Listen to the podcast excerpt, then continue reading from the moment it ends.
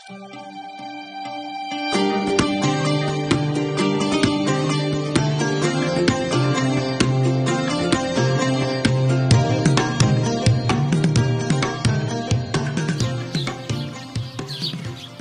الفل والياسمين إذا كنتم بتسمعوني الصبح ومساء الورد والريحان إذا كنتم بتسمعوني بعد الظهر. ما تسألونيش اشمعنى الفل والياسمين الصبح والورد والريحان بعد الظهر. أهي جت معايا كده. دي آخر حلقة لتوقعات الخبراء لسنة 2023 في الحلقة الأولى اتكلمنا عن توقعات السياسة والاقتصاد والتجارة والخدمات. والحلقة التانية اتكلمنا في توقعات التكنولوجيا والتعليم والتوظيف والترفيه.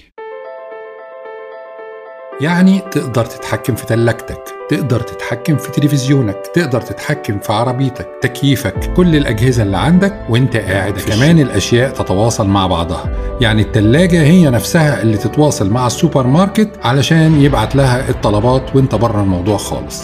الورشة تتواصل مع عربيتك علشان تشخص إيه اللي عطلان فيها وتبعت للميكانيكي حضر قطع الغيار المطلوبة والفاتورة اللي المفترض من ده مثلا في العمليات الجراحية. الجراح يلبس النضارة وهو بيشتغل ويجيب على النضارة أي معلومة عن المريض أو أشعة أو نتيجة تحليل. النضارة ممكن توريه الأوردة والشرايين اللي مش شايفها أو مكان ورم معين. لو في زلزال أو عمارة وقعت النظارات دي تورينا إذا كان في أشخاص مدفونين تحت الأنقاض وأماكنهم فين وحالتهم الصحية عاملة إزاي في بيتك أو عربيتك محتاجة صيانة. وأنهي فرع من المحل الفلاني هيبقى أروق. وكمان إذا كان في حد معدي قريب منك عنده أمراض معدية. أنهي موظف تتواصل معاه ال mood بتاعه ممكن يبقى حلو النهارده. وطبعا كل ده بيتشابك مع كوارث متعلقة بالخصوصية والمؤسسات اللي بيسألوا يدرسوا إيه أو يتعلموا في أي مجال. أقدر أقول لهم بكل ثقة إنه بالنسبة للمستقبل القريب يعني الأربع خمس سنين الجايين وظائف الذكاء الصناعي هتبقى في المقدمة. طبقا لمؤسسة فورستر على ما تيجي سنة 2025 9% من الوظائف في أمريكا هتروح للمتخصصين في الذكاء الصناعي.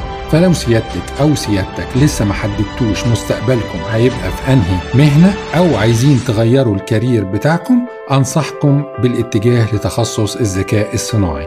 وده في range واسع للوظائف بأجور منتدى دافوس الاقتصادي الشهير جدا. بيقول إن 65% من الأطفال اللي في المدارس النهارده على ما يوصلوا لسن العمل هيشتغلوا في وظائف العالم لسه ما اخترعهاش. يعني سيادتك أو سيادتك. لو عندكم بنت أو ابن في المدرسة حاليا ما تحاولوش تخططوا لهم أو تفكروا لهم هيدخلوا كلية إيه أو هيشتغلوا إيه لما يكبروا لأن على ما يوصلوا لسن العمل هيبقى العالم مختلف تماما عن اللي إحنا عايشينه النهاردة وأغلب الوظائف الموجودة ساعتها إحنا لسه حاليا ما نعرفش عنها حاجة ولا نعرف طبيعتها هتبقى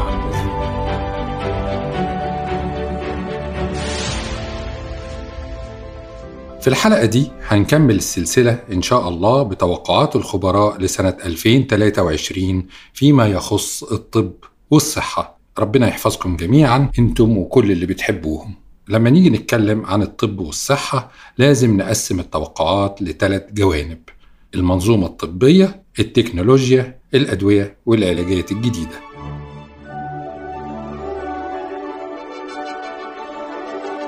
توقعات المنظومة الطبية في سنة 2023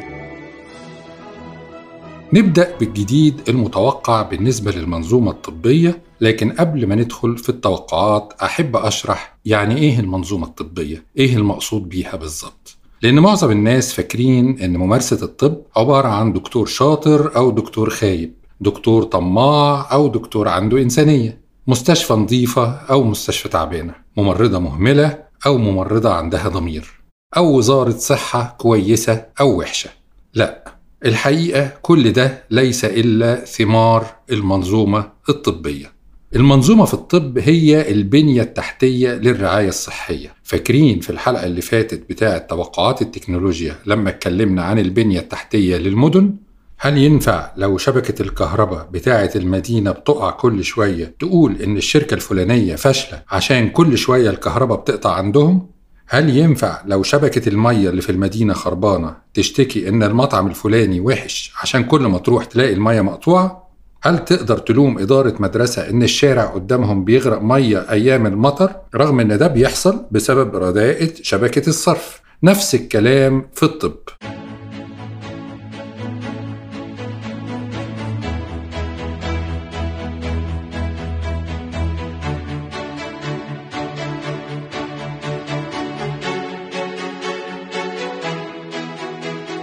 البنية التحتية للطب أو المنظومة الطبية بتبدأ من التعليم الطبي قبل التخرج وبعد التخرج فيما يعرف بالتعليم الطبي المستمر المنظومة الطبية تشمل برضو نظام الإنفاق على الرعاية الصحية مين اللي بيصرف؟ هل الفلوس بتتاخد من جيوب المواطنين مباشرة ولا بشكل غير مباشر عن طريق ضرائب ولا مثلا نظام تأمين صحي؟ دستور الدولة ميزانية الصحة في الدولة القوانين اللي بتنظم الممارسة الطبية وتراخيصها وحوكمتها وحقوق كل الأطراف الرقابة والمحاسبة على المسؤولية الطبية الحياة الكريمة لممارسي الرعاية الصحية والحياة الكريمة مش بس فلوس لا تشمل كمان كرامتهم واحترامهم وحقوقهم المعنوية ومكانتهم في المجتمع بشكل عام وفي مكان ممارسة عملهم بشكل خاص. تشمل إيه تاني المنظومة الطبية؟ تشمل الصيدليات وتوافرها وحوكمة ممارستها وأسعار الأدوية وجودتها وصناعتها أو استيرادها. تشمل المنظومة الوقائية والسيطرة على الحوادث والأمراض المعدية والتلوث وأي خطر على صحة المواطنين. فيها إيه كمان؟ فيها مراعاة معايير الجودة العالمية في كل أماكن الممارسة الطبية. يعني المسألة مركبة ومعقدة. وإحنا مش عايزين نخرج عن موضوعنا الأساسي لكن الغرض إننا نبين إن أي تطورات في الطب متوقعة سواء في سنة 2023 أو ما بعدها لن تؤتي ثمارها إلا في إطار الصورة الكبيرة بتاعة المنظومة الطبية. فما فيش جدوى مثلا إننا نستبشر بعلاج جديد للسرطان أو الاكتئاب أو الألزهايمر إذا كان الدواء مش هيوصل لك أو هيوصل لك مغشوش أو الدكتور اللي المفروض يكتبه لك مش متابع أحدث خطوط العلاج. أو إنه يكون مثلا ثمنه غالي وما تقدرش عليه. مفيش استفادة من عملية جراحية بالروبوت أو الإنسان الآلي مثلا إذا كان الدكاترة كويسين كلهم سابوا البلد لأنهم مش عايشين حياة كريمة. أو لأن الدكاترة الموجودين مفيش فرصة إنهم يتدربوا يشتغلوا عليها أو إنك ما تقدرش تعملها بسبب إن تكاليفها هتخليك تبيع اللي وراك واللي قدامك أظن الفكرة كده وصلت ولا إيه؟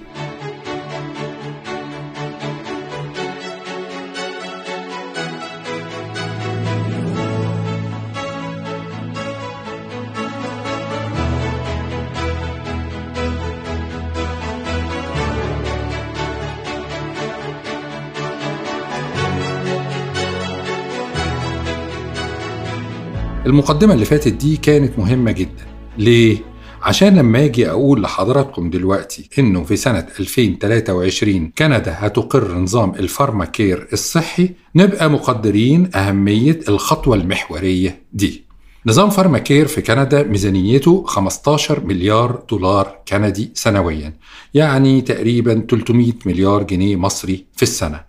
بمقتضى النظام ده كل مقيم في كندا هيدفع ما بين 2 دولار ل 5 دولار في كل دواء يشتريه بغض النظر عن سعر الدواء الحقيقي. لو دواء رخيص هيدفع 2 دولار ولو دواء سعره آلاف الدولارات كل اللي هيدفعه 5 دولار بس. ولو المريض على المعاش أو من ذوي الهمم أو متعطل عن العمل مش هيدفع ولا حتى الخمسة دولار دول. مفيش حاجة اسمها مواطن ولا حتى مقيم في البلد معهوش فلوس يجيب علاج. مفيش حاجة اسمها واحد يبيع حتة أرض علشان يتعالج. مفيش حاجة اسمها ميزانية الأدوية تقتطع جانب محترم من مرتبك كل شهر. مدام بتدفعي أو بتدفع ضرائب للدولة يبقى العلاج المجاني حق ليك ولأسرتك.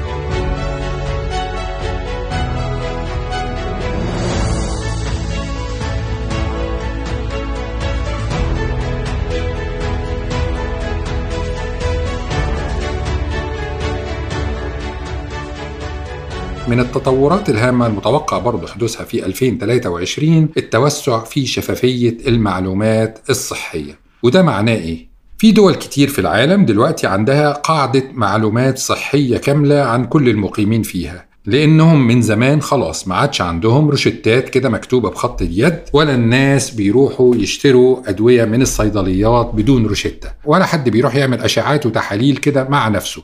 كله على system كمبيوتر الروشتات والتحاليل والأشعات والتاريخ المرضي وتقارير الأطباء. الخطوة التالية لده كانت إن كله يتربط ببعضه، ففي في كل دولة من الدول دي system واحد عليه كل المعلومات الصحية لكل الناس. فضلت مشكلة اللي هي الخصوصية المعلومات شبه سرية. الاطلاع عليها مسموح فقط للأطباء المعالجين والإداريين وده كويس جدا لكن بيقلل قوي فرص الاستفادة من المعلومات دي في تطور الطب والبحث العلمي وكمان بيقلل من ترشيد الخدمات الصحية اللي بتقدمها الدولة. إذا افترضنا مثلا إن عندك منطقة محددة منتشر فيها مرض معين ومنطقة تانية نادر فيها المرض ده. الاطلاع على قاعدة البيانات هيخلي الدولة توفر في وسائل التشخيص والعلاج الخاصة بالمرض ده في المنطقة اللي المرض نادر فيها وتكثفها أكتر في المنطقة اللي المرض منتشر فيها. لو مثلا عايز تعمل دراسة على علاج جديد لمرض معين بالاطلاع على قاعدة البيانات تقدر توصل لكل المرضى المصابين بالمرض ده. إذا كان في مستشفى محددة أو طبيب معين عنده قصور في خدمة بيقدمها. ده هيتكشف بسهولة بإجراء إحصائيات دقيقة على المترددين على المكان ده. وهكذا.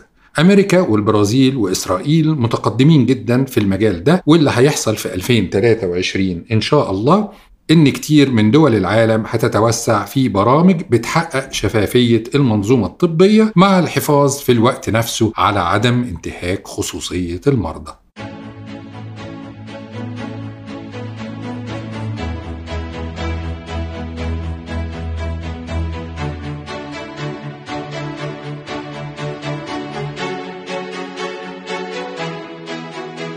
من الأمور اللي هيحصل فيها توسع برضو السنة دي موضوع التشخيص المنزلي والتشخيص الصيدلي.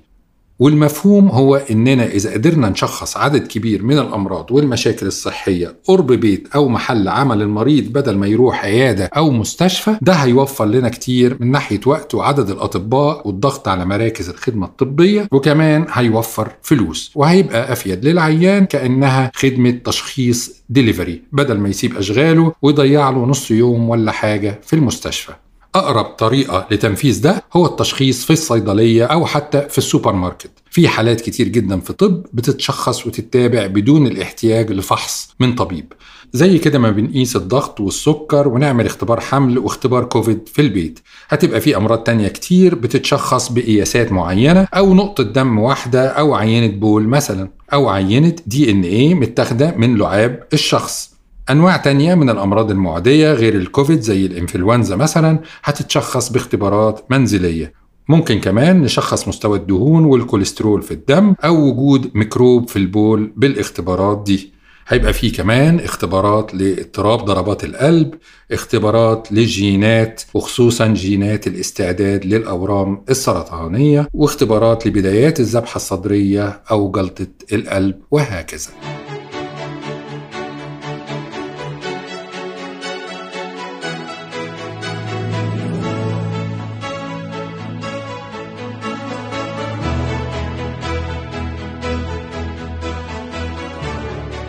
نيجي بقى للسلبيات. للأسف هيبقى فيه في 2023 سلبيتين مؤثرتين جدا فيما يخص المنظومة الطبية في العالم كله. السلبية الأولى هي توابع التراكمية لوباء الكوفيد. على مدى السنتين بتوع الوباء من بداية 2020 لبداية 2022 اتسخرت معظم الموارد والإمكانيات الصحية في كل الدول تقريبا لمكافحة الكوفيد. فلوس وتمريض وأطباء وغرف وأجهزة وأدوية وأبحاث ومستشفيات كاملة. ده غير حظر التنقل والسفر وتوقف البعثات التعليمية والمؤتمرات الطبية. كل ده طبعا جه على حساب الموارد اللازمة للرعاية الصحية للأمراض المزمنة. السرطان والفشل الكلوي ورعاية المسنين وذوي الاحتياجات الخاصة والأمراض العصبية وغيرها. وده بدأ تأثيره يبان من منتصف سنة 2022 وهيظهر تأثيره أكتر في سنة 2023 تلحق بالسلبية دي السلبية التانية اللي هي النقص في عدد الممرضين والأطباء وده بتعاني منه برضو معظم دول العالم. وإن كان ده ممكن يبقى ميزة للأطباء والممرضين إنهم يسافروا للبلد اللي فيها فرص أفضل لكن عيبه إنه هيزود ضغوط الشغل عليهم وبالتالي الأخطاء المهنية. علشان كده العالم ابتدى يلجأ لحلول تكنولوجية للمعضلة دي وده ياخدنا للجزء الثاني من الحلقة.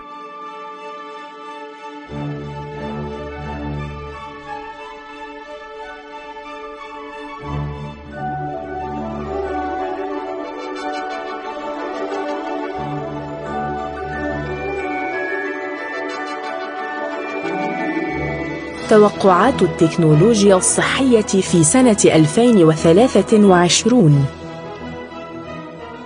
الحلقة اللي فاتت بتاعة توقعات سنة 2023 في التكنولوجيا جبنا فيها سيرة بعض التطورات الطبية زي مثلا تدريب طلبة الطب بخوذات الواقع الافتراضي ال VR وزي استخدام الجراحين لنظارات الواقع المعزز ال AR وفي الحلقة دي من شوية اتكلمنا برضو عن تكنولوجيا التشخيص الصيدلي والمنزلي. إيه تاني جديد هيحصل في تطورات التكنولوجيا الصحية سنة 2023 لسه كنا بنقول على نقص عدد الأطباء والممرضين وفي حلول تكنولوجية هتساعد في ده. هيبقى في ميكنة لكتير من الخدمات الصحية الشغل الإداري والكتابة اليدوية في ملفات المرضى هيبقى لها تطبيقات وبرامج توفر وقت ومجهود الدكاترة والتمريض. الضبط الروتيني لجرعات الأدوية في المرضى اللي حالتهم مستقرة هيتعمل بالذكاء الصناعي. ال telemedicine أو الطب عن بعد هينتشر أكتر اللي الطبيب بيناظر فيه المريض أونلاين في الحالات اللي مش محتاجة الطبيب يفحص المريض. حتى بقى في أدوات دلوقتي يقدر الطبيب بيها يفحص المريض عن بعد. ده كله طبعا هيتعاظم أكتر مع التطورات التكنولوجية الهائلة اللي اتكلمنا عليها في الحلقة اللي فاتت زي نظارات الواقع المعزز ال AR وال pocket supercomputer ال supercomputers اللي هتتشال في الجيب.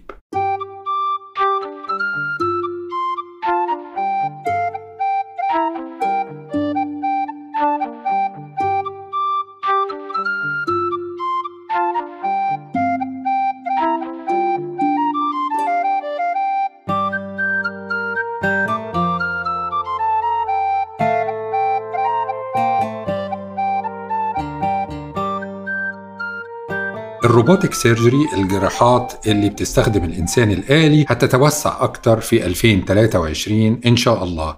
هيبقى في عدد أكبر من الجراحين يتدربوا عليها وهتدخل مجالات جديدة خصوصا في الجهاز الهضمي وجراحات القولون وجراحات التخسيس آخر حاجة عايز أتكلم عليها بقى في التطورات التكنولوجية هنا خبر يعتبر مفاجأة بالنسبة لناس كتير.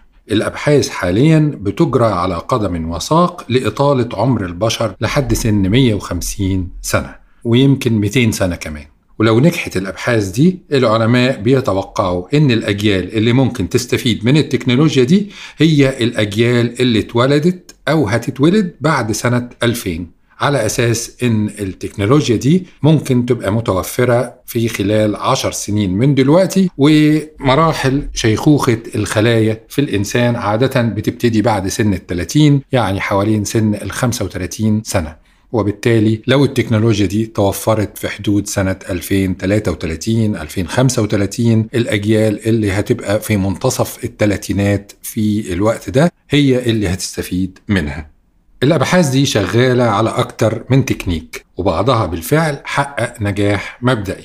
الدكتور أندرو ستيل وده خبير أحياء شغال في مجال اسمه ال senolytics أو محللات الشيخوخة وده تكنيك قائم على التخلص من الخلايا اللي بيسموها ال zombie cells أو الخلايا المسنة وبيتم تطهير الجسم منها بشكل دوري وإحلال خلايا شابة محلها. دكتور ديفيد سانكلير وفريقه في معمل هارفارد سانكلير جربوا بالفعل حقن فيران فقدت بصرها بسبب الشيخوخة بجينات أدت لاستبدال خلايا شبكية العين بخلايا جديدة أعادت النظر للفيران دي.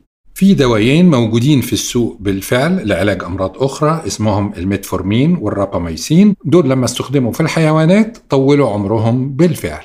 الجديد في 2023 إنهم هيبتدوا يجربوا بعض الأدوية دي على البشر ومش عارفين الحقيقة إن كانت هتنجح ولا لأ. فموضوع إن الأجيال اللي هتتولد بعد سنة 2000 ممكن تعيش لحد ال 150 يعني لسه محل شك. لكن الأكيد إن أعمار البشر هتطول بنسبة تتراوح بين 10 ل 20% في العقود اللي جاية. وهيبقى عادي جدا إن الناس تعيش لحد سن ال 100 سنة بتحسن الرعاية الصحية وتقدم زراعة الأعضاء والعلاج بالجينات. وده هيبقى له توابع اقتصادية في تحمل الدولة تكاليف المعاشات والمستوى المادي لحياة الناس اللي هيطلعوا معاش عند سن 60 ويعيشوا 40 سنة بعدها بدون عمل.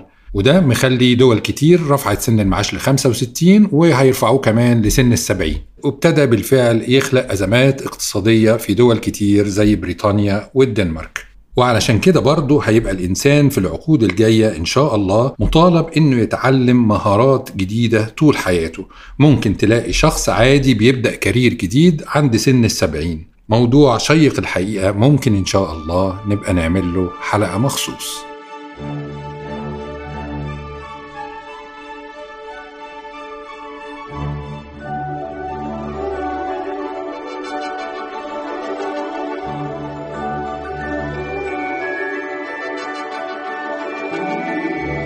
توقعات الأدوية والعلاجات الجديدة في سنة 2023 سنة 2023 هي سنة ثورة الطب ثورة ضد الأمراض المزمنة اللي البشرية بتعاني منها بقالها فترة بدون نجاح كبير. هنتكلم هنا تحديدا عن سبع أنواع من الأمراض الزهايمر السرطان السمنة الأمراض الوراثية العدوى الأمراض العصبية والاكتئاب.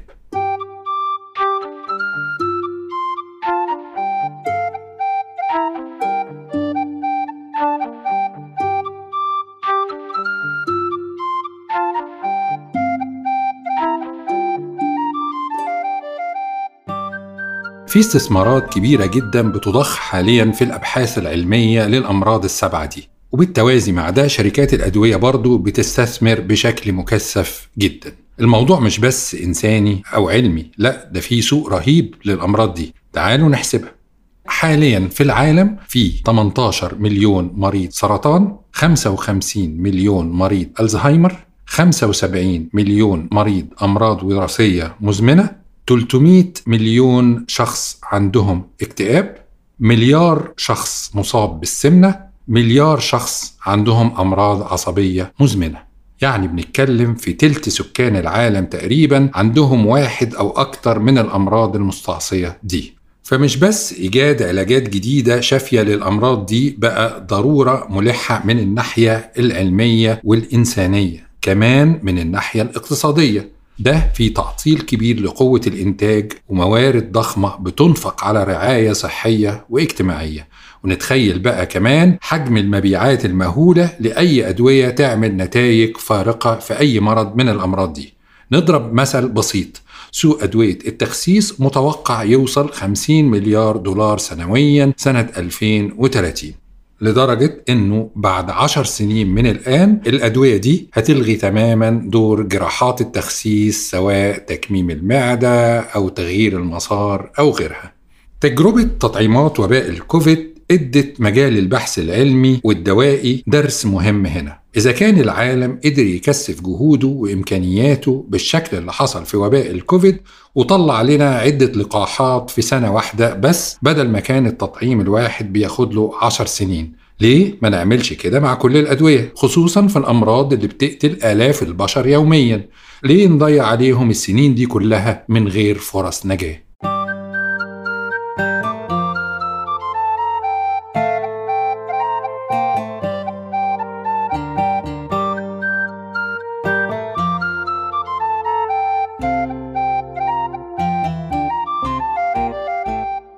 الثورة دي ضد الأمراض المزمنة بدأت بالفعل مع الأيام الأولى من العام الجديد.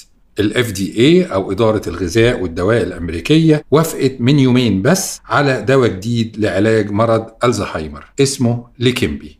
وده أول علاج للتدهور الذهني اللي بيسببه المرض تتم الموافقة عليه بعد تجارب سريرية موثقة شبه كاملة. كان سبقه دواء تاني اسمه Aduhelm بس طلع مقلب في الآخر لأن ما اتعملش عليه تجارب سريرية كافية. فاكرين الأميلويد اللي اتكلمنا عليه في حلقة الآنسة نوفوتس؟ وقلنا إنه بيسبب ألزهايمر نتيجة قلة النوم. أهو الحاج Leqembi ده بينظفه على مدى 18 شهر وبالتالي بيبطئ تدهور وظائف المخ.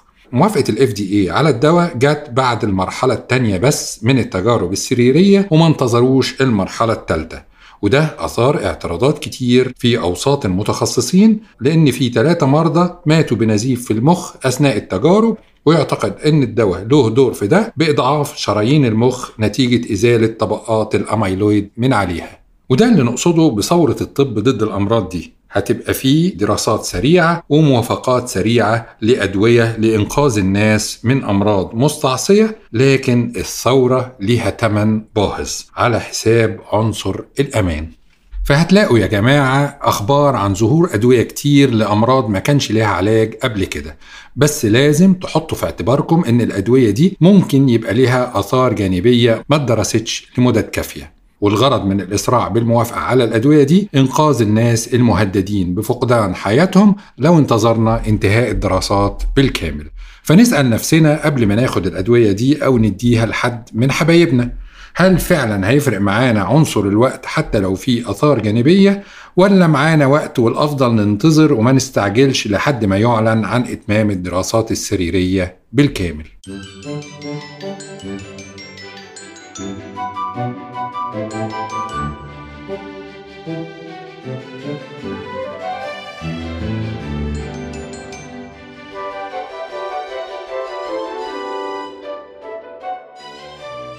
طيب في أدوية تانية طالعة للألزهايمر غير الـ Leqembi ده؟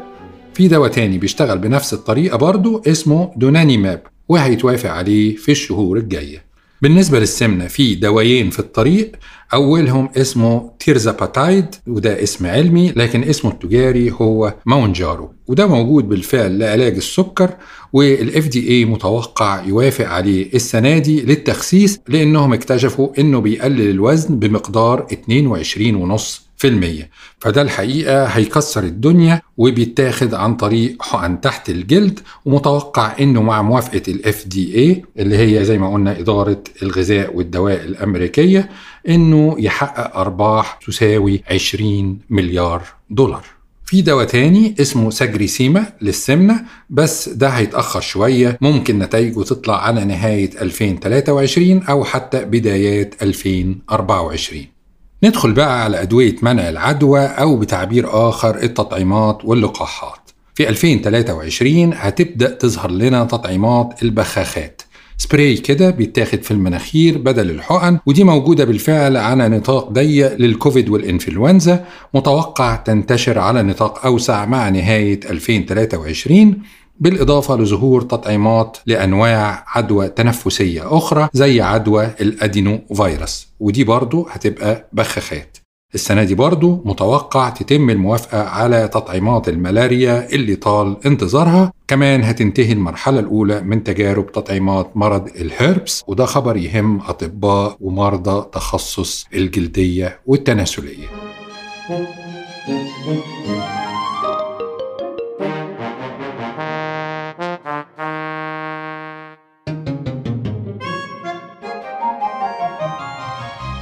بالنسبة للأمراض العصبية في دواء سكر اسمه العلمي exenatide جايب نتائج مبشرة لمرض الباركنسون أو الشلل الرعاش بس ما زال في مرحلة التجارب. لكن التطور الأهم اللي محتاجين نترقبه السنة دي إن شاء الله هو بداية استخدام الهندسة الوراثية لإحلال خلايا عصبية جديدة مكان الخلايا التالفة.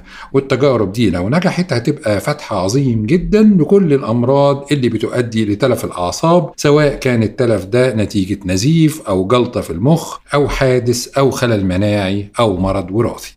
والكلام عن الأمراض الوراثية بيجرنا للكريسبر. والكريسبر ده محتاج الحقيقة حلقة لوحده مستقبلا إن شاء الله. دي أنجح تقنية للهندسة الوراثية حتى الآن. مبتكروها حصلوا على جائزة نوبل في الكيمياء سنة 2020 نتوقع إن شاء الله في 2023 بدء استخدام الكريسبر في علاج أمراض الدم الوراثية بعد ما يحصل على الموافقة النهائية وده هيتبعه بإذن الله استخدامه في أمراض وراثية أخرى.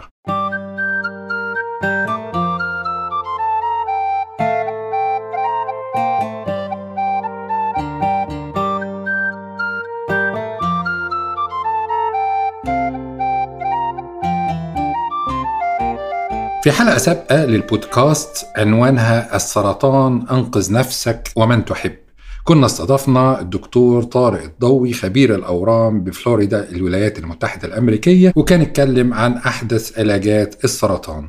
في الإطار ده لازم نقول إن أنجح علاجات السرطان حاليا واللي متوقع يستمر في نجاحاته السنة دي كمان أدوية التعديل المناعي أو ال immune modulators في دواء اسمه ريفي ليميد أثبت نجاحه وتجرى حاليا عليه تجارب لعلاج 8 أنواع من السرطان. يليه دواء اسمه كيترودا ودواء ثالث اسمه أوبديفو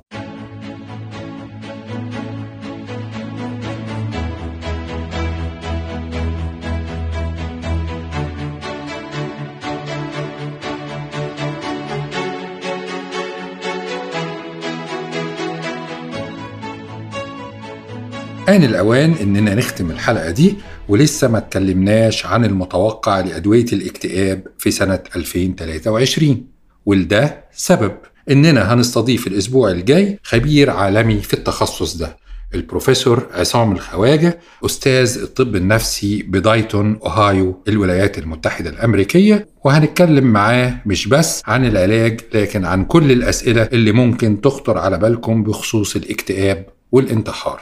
اللي بقينا نشوفهم للأسف بكثرة اليومين دول. أرجو أنكم تكونوا استفدتوا من قعدة النهاردة على كرسي في أول صف لسماع توقعات الطب والصحة سنة 2023 وفي انتظاركم الأسبوع الجاي إن شاء الله في قعدة جديدة وحديث شديد الأهمية عن الاكتئاب والانتحار يمكن نقدر بيها ناخد بإيدين حد قريب مننا وبنحبه ونفتح له باب مقفول.